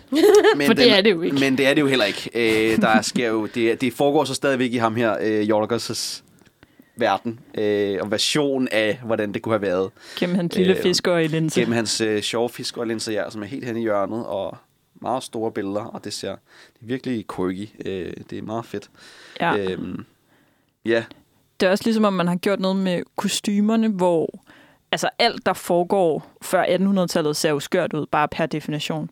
Men parykkerne er lige lidt større, og kjolerne er lige lidt mærkeligere. Mm. Mm. Jeg Og der er synes- en lille bitte sådan undertone hele tiden, hvor man er sådan, der er noget galt. ja, Altså, der, mm. den der er helt off. ja. Ja, de kan, ingen af dem er rigtig sådan komfortable. Alle er meget ukomfortable i deres... Altså på en eller anden måde, ikke? Det hele er bare... Ja, det hele er lidt off, øh, og sminken sidder lidt for meget, og... Mm. Den eneste, der egentlig nyder at være i det, det er Nicholas Holt, som ham der, øh, The Opposition-russeren der. Han elsker det. Ja, hvis man har set The Øhm. Great, så er, man, i- så er der mange toner af... Det var tænkte jeg godt på. Altså, Han, det, han er ikke den samme, vel? Nej, men jeg overvejede det. Jeg var nemlig lidt i tvivl på et tidspunkt, men øh, Ja. det, den, den, den lander han bare i. Men Sara, jeg ved, det her var dit første møde med filmen. Yes. Ja, hvad, hvad synes du om den? Jeg synes, den var mærkelig. Og, Skøre Emma. Ja, den var skør. Ja. Men også, jeg havde, jeg havde faktisk, jeg plejer jo sådan der bare lige læse om, hvad, eller hvad den handler om, inden jeg ser den. Det gør jeg ikke. Jeg tænkte bare, jeg ved, at den, det er nemt om er sådan en historisk periodedrama, og der er de her tre kvinder. Jeg tænkte, fedt, det bliver et, et periodedrama med tre kvinder i hovedrollen, mm. men meget klassisk. Og der er bare en, et kæmpe trekantsdrama mm. mellem de her tre kvinder, og en masse, øh, også omkring seksualitet, og sex bare generelt, som jeg ikke havde forventet overhovedet. Og meget... Øh, Okay, så du har virkelig ikke læst noget om den. jeg har faktisk overhovedet ikke læst noget om den. Så meget råt, jo. Og jeg var virkelig øh, sådan, okay, nu, jeg tænkte ikke, det kunne blive mere skørt. Og så, øh, og så er der en scene mellem Olivia Colman og Emma Stone, hvor jeg var sådan der, what is happening? Mm-hmm. Øh, som gjorde mig lidt ukomfortabel, selvom jeg synes, jeg er meget komfortabel med sexscener. Men, altså, og øh, der er det her spil mellem, mellem Emma Stones karakter og, øh, og hende her, Lady Rachel Weisz, Ja, Lady. Marlborough, Sarah. Præcis, som jeg synes er, er sådan helt ekstremt. Øh, ja, Ja. Det, min, min reaktion var ekstremt. det her. Det var, Ja. at jeg, jeg var sådan, hvad, hvad, der, hvad har jeg lige set? Hvad der er sket? Hvad, altså, Ja. Og faktisk så synes jeg også, den var lidt for lang. Jeg sad og var sådan, at det her, hvordan slutter det her? Det må slutte på en eller anden måde. Det- Jeg troede, at, at fordi at, hvis man ikke har set den, så skal man gøre det, men øh, Sarah hedder hun, det var det, jeg skrev. Jeg var sådan, mm. uh, vi er navnesøstre, men Mm. hun øh, bliver jo forgiftet af Abigail, som er Emma Stones karakter. Og så tænker jeg, okay, fedt, eller ikke fedt. Hun dør, og så er det ligesom sådan, hun vinder. Fordi de snakker også hele tiden om det her med, hvem vinder, hvem har hendes gunst og sådan. Det er Mm. lidt ligesom et spil. De hele tiden sådan leger med hinanden, og øhm, Abigail, Emma Stones karakter, bliver også gift med hinanden, hvor at jeg, jeg håbede faktisk lidt på, inden at at øh, Emma Stones karakter fik et meget tæt forhold til dronningen, at hun bare ville være sådan sammen med ham, hun bliver gift med. For det ham synes jeg også var cute, at de var cute sammen. Og sådan. Men nej, nej, vi har totalt fokus på det her trekantsdrama herover Og alle de her sådan intriger, scheme for at, at ødelægge hinanden. Øhm, og i starten tænker jeg, at Emma Stone var øh, meget... Hun er meget den der lille, bitte, søde, nuttede... Mhm. Øh, også fordi hun har vist været lady selv, men det er hun ikke mere, fordi hendes far er mærkelig, eller ikke mærkelig, men han brændte huset ned. Han sælger hende. Og sælger Ja. hende, ja. Men han er død, fordi han brændte sig selv inde, eller sådan noget. Ja. Ja. Øhm, Det er så også derfor, hun er kusiner som med Sarah der. Fordi, altså, hun, så hun har stadig de der connections på en eller anden måde. Ikke? Ja. Hun har Jo. været... Og så nu vil hun så kæmpe sig op igennem hierarkiet en gang til. Ja, men øh, hvor at hun så, for jeg har taget et klip med, som viser, at hun ikke er sådan en nuttet karakter. Hun også har lidt sådan der kant, Mhm. hvor hun står og snakker med Nicholas, som du nævnte lige før, som, som spiller en, eller anden- som spiller Harley. Harley, ja. Som jeg faktisk ikke helt ved, jeg forstod ikke helt, hvem han var, andet, når han var sådan der rådgiveragtigt. Jamen han, ja. ja. Jeg skulle også lige have den igen. Der er Fordi noget han historisk i det. at Han sige er et eller fra andet Opposition. opposition, ja. Men det er jo sådan der op- opposition. Ja, men- altså, Ja, det er jo lidt det, som der er med... Altså, det, Det handler der, om, at det britiske parlament på det tidspunkt, Ja. og stadigvæk er, er delt op i to, ikke? Der er, der er dem med de, og i den her, der er dem med de sorte perukker, og så er der dem med de hvide perukker. Ja. Og Nicholas Holt har hvid peruk på. Ja. Ja, så det er her, hvor periodedrama-trækkene kommer ind. Ja. Mm. Fordi, som du også siger, så er det ikke det, der er i højsædet. Mm. Men det agerer lidt som sådan en rød tråd gennem fortællingen i kraft af at sådan lave en form for øh, fremdrift. Og øh, at Emma Stones karakter bruger det til at få mere magt. Mm. The Queen has taken a shine to me, and I will drip poison into her ear regarding you until she is mad with hatred for you. Or we could have a mutually advantageous friendship. Count of three, yes or no. Well, if you're so close to the Queen, why not just ask this favour yourself? I do not want her to ever think I want anything from her. Have you counselled her for our side? No. The country's future hangs in the balance. Hmm, my thing is what I wish to talk about. You do not care. I thought you were on our side. I'm on my side. Always. Det synes jeg bare var herrestagt. Sådan, okay, Mm. vildt. Øhm, hvordan er hun jo først virker sådan oprigtigt interesseret i Olivia Colman. Øhm, der er en virkelig fin scene, hvor at hun møder hendes sådan, kaniner, som er sådan lidt hendes børn, fordi hun har mistet en masse børn. En mand, hun har mistet 17 børn. 17 børn, hun har og 17 får kaniner. så 17 kaniner, hver en for hver gang, hun har mistet et barn. Det, De kalder dem bare The. Children. Det er Det er så trist. Det er Ja. virkelig trist. Virkelig fin scene, hvor hun kommer tæt på, på hende. Øh, altså dronningen der, som ellers kun har haft sådan et tæt forhold til hendes højre hånd, ladyen. Så er det her lidt, når hun manipulerer jo netop os selv for at få mere magt og for at lidt vinde det her spil og have lidt indflydelse, fordi at hun... Jeg kan ikke finde ud af, om det er, fordi hun får smag for det, eller fordi hun bare altid har været sådan. Hvad, altså, hvad tænker de? Jamen, det er jo et godt spørgsmål. Har hun altid haft det, eller øh, udvikler hun sig i det? Jeg Det er tænker, det, hun altid har haft Jeg det. tænker også altid, hun lidt har haft det i det. Det er jo Ja. det, der er interessant ved her ved Skøre Emma. Det er Ja. jo, hun, du kan godt argumentere for, at hun, ikke noget med, at hun taler med britisk accent, øh, som øh, jeg også lige skulle vende mig til. Øh, Jeg synes, det var fedt, at, ja. Men hun, hvis man skulle vælge, om der er en skurk et eller andet sted, Mm. er det hende, der er skurk? Altså, jeg tænker ikke, der er nogen tvivl, faktisk. Fordi jeg synes, Ja, hun fedt. spiller taktisk fra start. Ja, fedt. Ja. Hvor der er en af årsagerne til, at Emma også bliver en del af hoffet, det er, at øh, Queen Anne, som er spillet af Olivia Colman, har helt vildt meget gigt. Mm. Og hun får de her sår og plamager på hendes ben. Og øh, Emma Stone har været udsat for en eller anden syre øh, skade på sin hånd, så hun er ude at samle urter. Ja. Så finder hun ud af, at det virker faktisk også på, mm. øh, på dronningens ben. Og der får hun også lige snedet ind i en bisætning, da dronningen går forbi.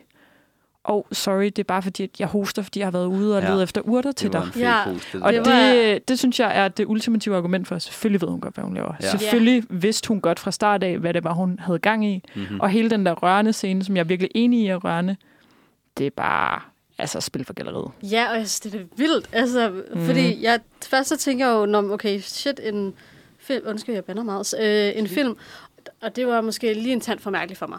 Og det har jeg også tænkt med, med Poor Things, at det vidste jeg ikke helt, hvorfor den fik så meget ros, fordi jeg synes simpelthen bare, jeg har ikke set den endnu, så jeg skal heller ikke dæmpe den for meget, men jeg synes virkelig, at præmissen var mystisk. Øhm, og jeg kan slet ikke øh, forestille mig Mark Ruffalo og Emma Stone have en eller anden sexscene, hvor jeg, altså, fordi at jeg jo i mit hoved også tænker det der med, at hun er, hvis ikke man ved det, så handler det jo om en slags Frankenstein-ting, ikke? Og hun har en lille, øh, et barn som en hjerne, men er jo en voksen kvindes krop. Og det ved jeg ikke, der var bare en masse ting, hvor jeg tænkte, hold da op, en underlig film. Men kendte du instruktøren inden? Fordi hvis man. Favorite. Ja, fordi Ja, hvis nej. man kender Jorgos Lantimos, så Nej. ved man godt, hvad man skal forvente. Ja. Og så bliver jeg nemlig nogle gange sådan lidt med folk, der reagerer med, hold da op, det lyder godt nok weird, og kan man godt tillade sig det, hvor man er sådan, altså, har I set The Lobster? Ja. ved, så ved I godt, hvad I kan, altså, hvad I Ja, kan og forvente. nej, det er jo det, jeg ikke har altså, set noget andet af ham, så øh, mm. ja. Fordi der, jeg havde i hvert fald set et par, et par film af ham, inden jeg så The Favorite, som Mm. jeg så, da, da den kom ud der Mm. i, øh, i 2018. Og det var præcis, hvad jeg havde forventet, Fedt. uden at være noget af det, jeg havde forventet. Mm. Ja. At Og jeg hvad- blev, altså, at man bliver svimmel, og man bliver dårlig tilpas, og den er makaber. Altså, der er sådan en scene med Anne, der sidder og spiser blå kage, oh. Åh. efter hun brækker sig.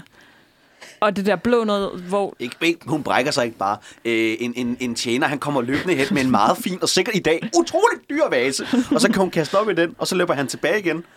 Ja, Og så spiser hun mere kage. ja. og, d- og den dvæler for lang tid ved det, og sådan, det er Ja. skide ubehageligt. Det er fedt. Og der synes jeg jo bare, at Emma Stone passer perfekt ind. Ja. Og det her er den eneste film, vi har valgt, hvor hun er en birollekarakter. Det er jo mm. lidt med Mhm. vilje, sådan så vi kunne snakke ekstra meget med Emma Stone. Mm. Men jeg synes også, at det netop er sammenspillet mellem Emma Stone, Rachel Weisz og Olivia Colman, Helt sikkert. der udgør filmens kerne, Helt godt. og som udgør filmens hjerte også. Helt sikkert. Mm. Og som sagt, den her film, den er ligesom grundstenene til, at Poor Things eksisterer. Og jeg ved også, at det er, sådan, det er lige efter, at de begynder at planlægge, hvordan Poor Things skal forløbe. Get about. Ja. Og at det ligesom...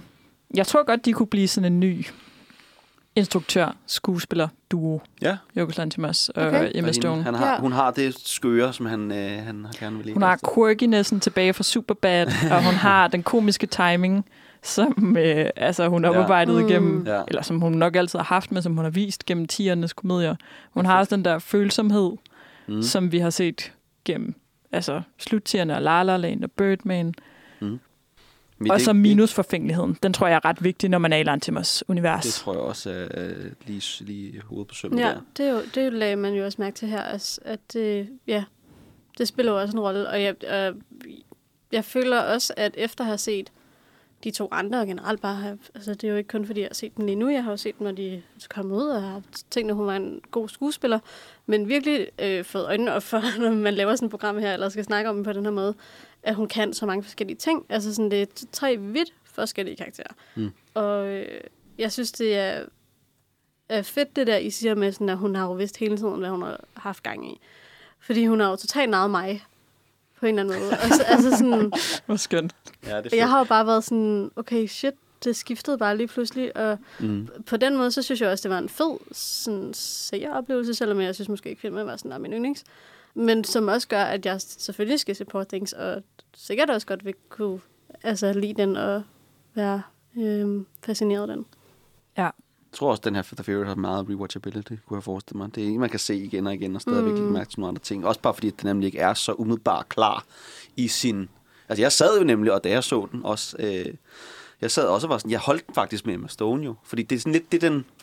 Det er det, filmen gerne vil have lidt, man gør. Hun kommer ind der først som sød pige, og, øh, og bliver, ja, bliver, øh, kan få mudder på sig, og så er hun sjov og leger monster, og hun kan bare lege med børnene, og mm. Dernede i køkkenet driller det hende og sådan noget. Og man, man kan faktisk, man, til sidst, man tænker sig, okay, hende der Sarah der, Rachel Ja. Weisz's karakter, hun, skal- jamen, hun, er også, hun styrer på meget, dronningen. Ja, ja. Ja. Øh, så man holder lidt med, med Emma Stone. Og så man. er der bare et skift lige pludselig, hvor man lige pludselig indser, okay, shit. Øh, dronningen er, øh, ved mangel på bedre sprog, fucked.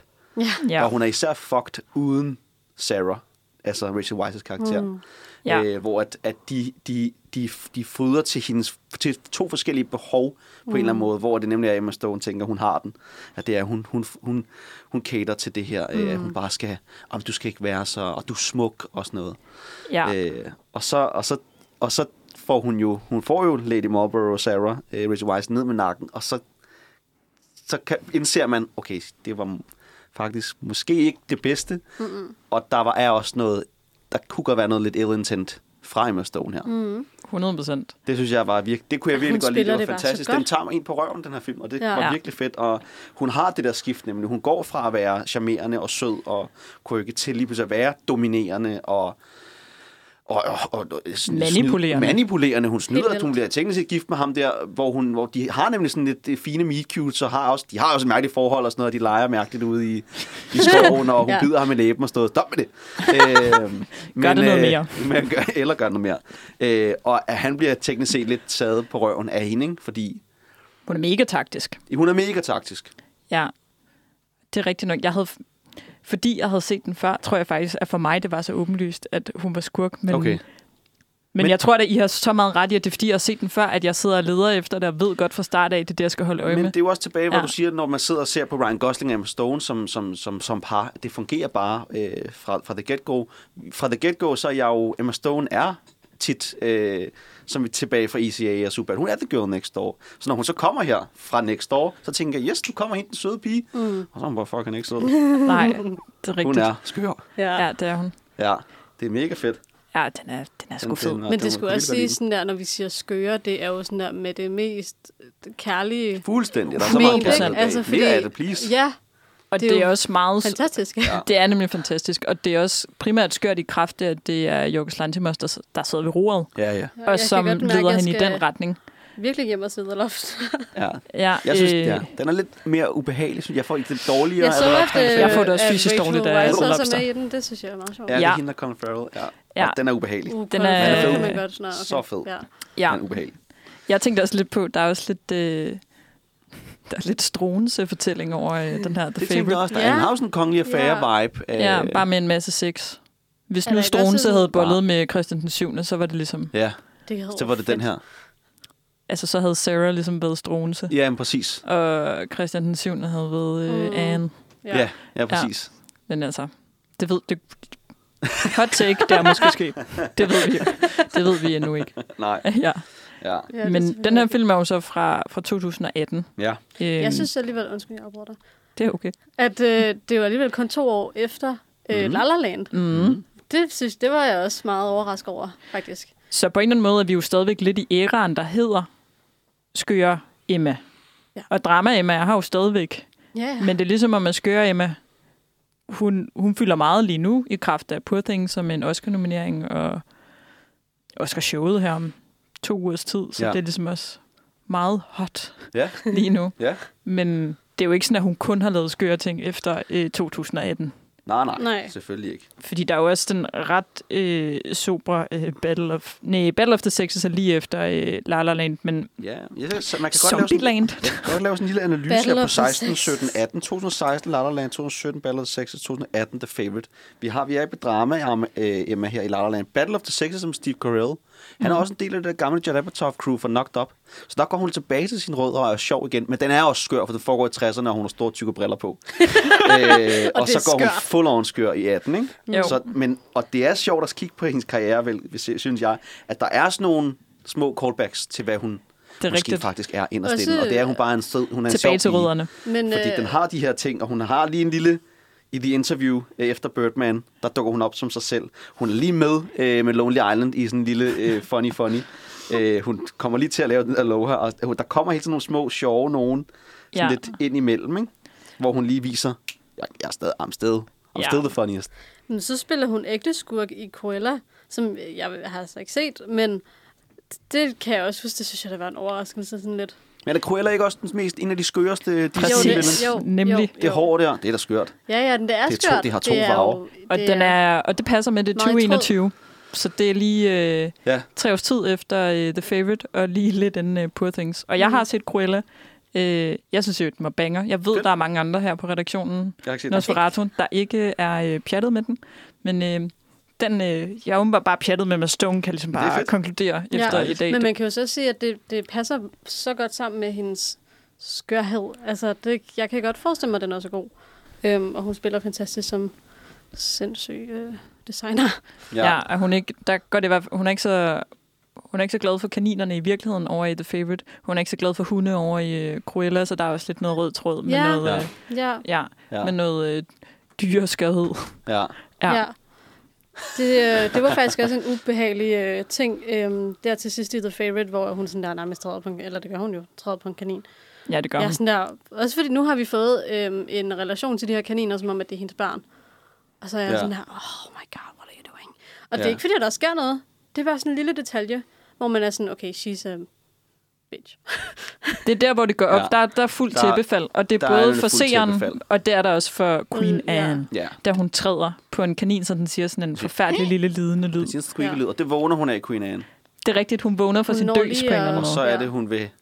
Og så her sker der et skifte på en eller anden måde, og hun går, står op, og hun vil ikke have, hun kommer hen, jeg, må, lad mig hjælpe dig, dronning, og nej, du skal ikke hjælpe mig, Ja. men du må så gerne lige Rub my legs. rub my legs, og så tager hun bare hårdt fat i håret på Emma Stone, Ja. for ligesom at vise, det kan godt være, altså, det kan godt være du vandt det her, mm. men du er stadig, altså Ja. i sidste ende skal hun stadig bare rub, og så er der det her intercut med alle de her kaniner, som bare Det fuckede mig overhaler, helt op. Det for ligesom at vise et eller andet, at, at det, stack kommer, det kommer bare til at stack op på hinanden, mm. det hele. De kommer til Ja. at falde ind sammen Ja. på presset udefra, ikke? Jo. Ja. ja det, Det Den er, er- en god, det god er sygt ubehageligt. føler Den er, bare, fordi- det er en ubehagelig watch. ja, det er det virkelig. Det er så godt.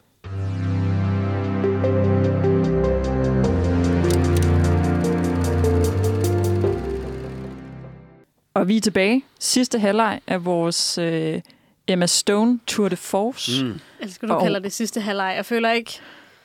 Altså, der er ikke en hel halvleg, ja.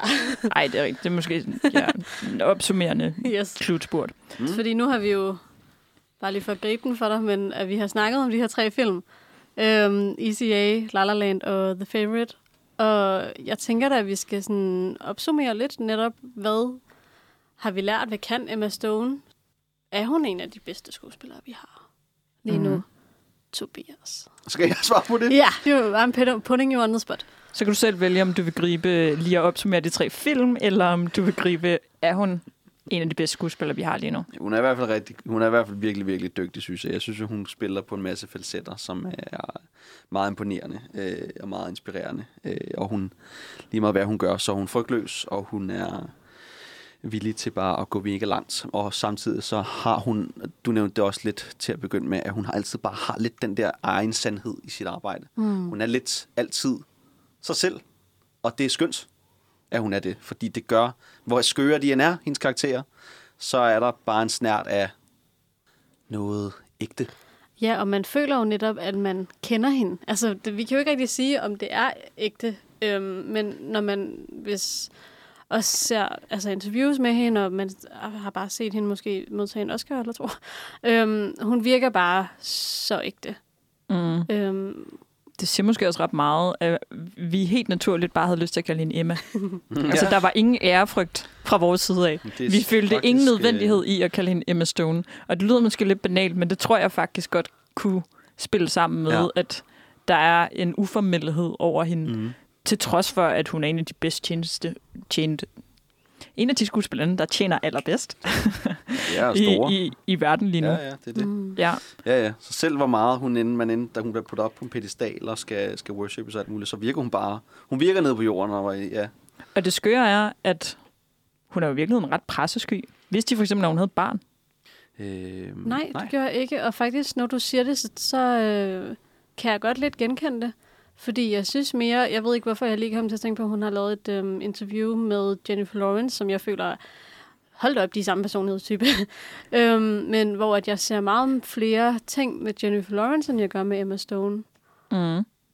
Og altså, hun er gift med en fyr, som hun har et produktionsselskab med. Mm. øh, hvor de har produceret en Jesse Eisenberg-film, hans instruktørdebut, som hun i øvrigt synes er en af de sjoveste øh, mennesker i verden. Hun er helt Okay. vild med Jesse Eisenberg. Nå, Sjovt. Ja, Okay. meget spøjst. Ja. Ja. Så der er også, altså, det er jo også ret vildt, at vi føler, at vi kender hende, men hun er sindssygt privat. Altså, vi ved ingenting. Jeg kan Nej. ikke engang sige, hvad hendes mand hedder. Og Nej. altså, nævn en bare B-liste kendt person, jeg ved, hvor de bor. altså, jeg ved sådan noget, men Ja. jeg, jeg ved ikke særlig meget med Emma Stone, Nej. men jeg er jo åbenbart utrolig begej- mere begejstret, end jeg havde regnet med. Ja, det er fedt. Det er Ja. herligt. Og så, øh, så føler jeg også bare, at det, at hun kan ændres, eller ikke engang ændre sig, men bare prøve så forskellige ting inden for, inden for sådan der relativt kort tid jo, øh, imponerende og bemærkelsesværdigt. Mm. Så har nogle virkelig gode valg. Ja, Ja, ja hun sige. kunne nemt være faldet ind i en stereotyp, som bare lidt var øh, den sjove pige. Ja, øh, den sjove, grimme, undskyld, pige Ja, som, netop. som, jo, som hun har spillet, men også kunne, den kunne hun bare have siddet fast i. Hun kunne måske også have siddet fast i, det er måske der, hvor hende Jennifer Lawrence, de måske afviger lidt fra hinanden, at det er, at Emma Stone tog hurtigere nogle bedre valg, end Mm. at Jennifer Lawrence skrev sig for meget op på nogle franchises, som så Ja. blev kørt i sænk, hvor at, der kunne Emma Stone godt sige, okay, den her franchise, den er ved at køre i sænk. Jeg hopper lige i bremsen, Ja, ja. og så, øh, så, laver jeg, så, så, får jeg, så får jeg lige et opkald for Woody Allen, og så laver jeg Birdman, og så, ja. så er man tilbage. Ikke? Samtidig med, at hun ikke lader som om, at hun ikke har lavet Zombieland, og hun ikke har lavet ECA. Ja. At sådan, der er også noget stolthed omkring de projekter, og det respekterer jeg virkelig meget, hvor sådan en som Jacob Elordi derude og altså, hate for sindssygt på Kissing Booth, okay. som jo er sindssygt dårlig film, men Men Ja. det, han er alligevel Det er bare- lavet tre det- af dem, eller sådan det er sådan ærgerligt move at gå ud og svine film til, som man har været en del af, Mm. øh, hvis det bare handler om, hvorvidt de er gode eller dårlige. Ja. Altså sådan en som Zac Efron har jeg også vildt meget respekt for. Det er meget, når, ja, jeg har været med i High School Musical. Ja, det var banebrydende for jer. I'll live by it. Ja. Ja, og det og synes jeg også er en det, og, ja. Ja, jeg elsker Zac Efron. Nå, Også men det Ja, ja, er så- også ligegyldigt. Ja. Øhm, men elsker, at vi også lige gik til at sige, hvad hun kan, i stedet for at sige, om de her tre film har været... Ja, Det er også svært at at afrunde dem på en eller anden måde, jo, fordi at, at vi, øhm, hvad skal man sige, vi har jo ligesom sagt det, der var sjov, Emma. Hun var meget ung og kryggig og ekspressiv. Øh, mimikken kørte. Mm. Så var der drama, Emma, som der stadig er lidt, men lidt mindre af. mm. En af jer, der vil sige nogle ord om det?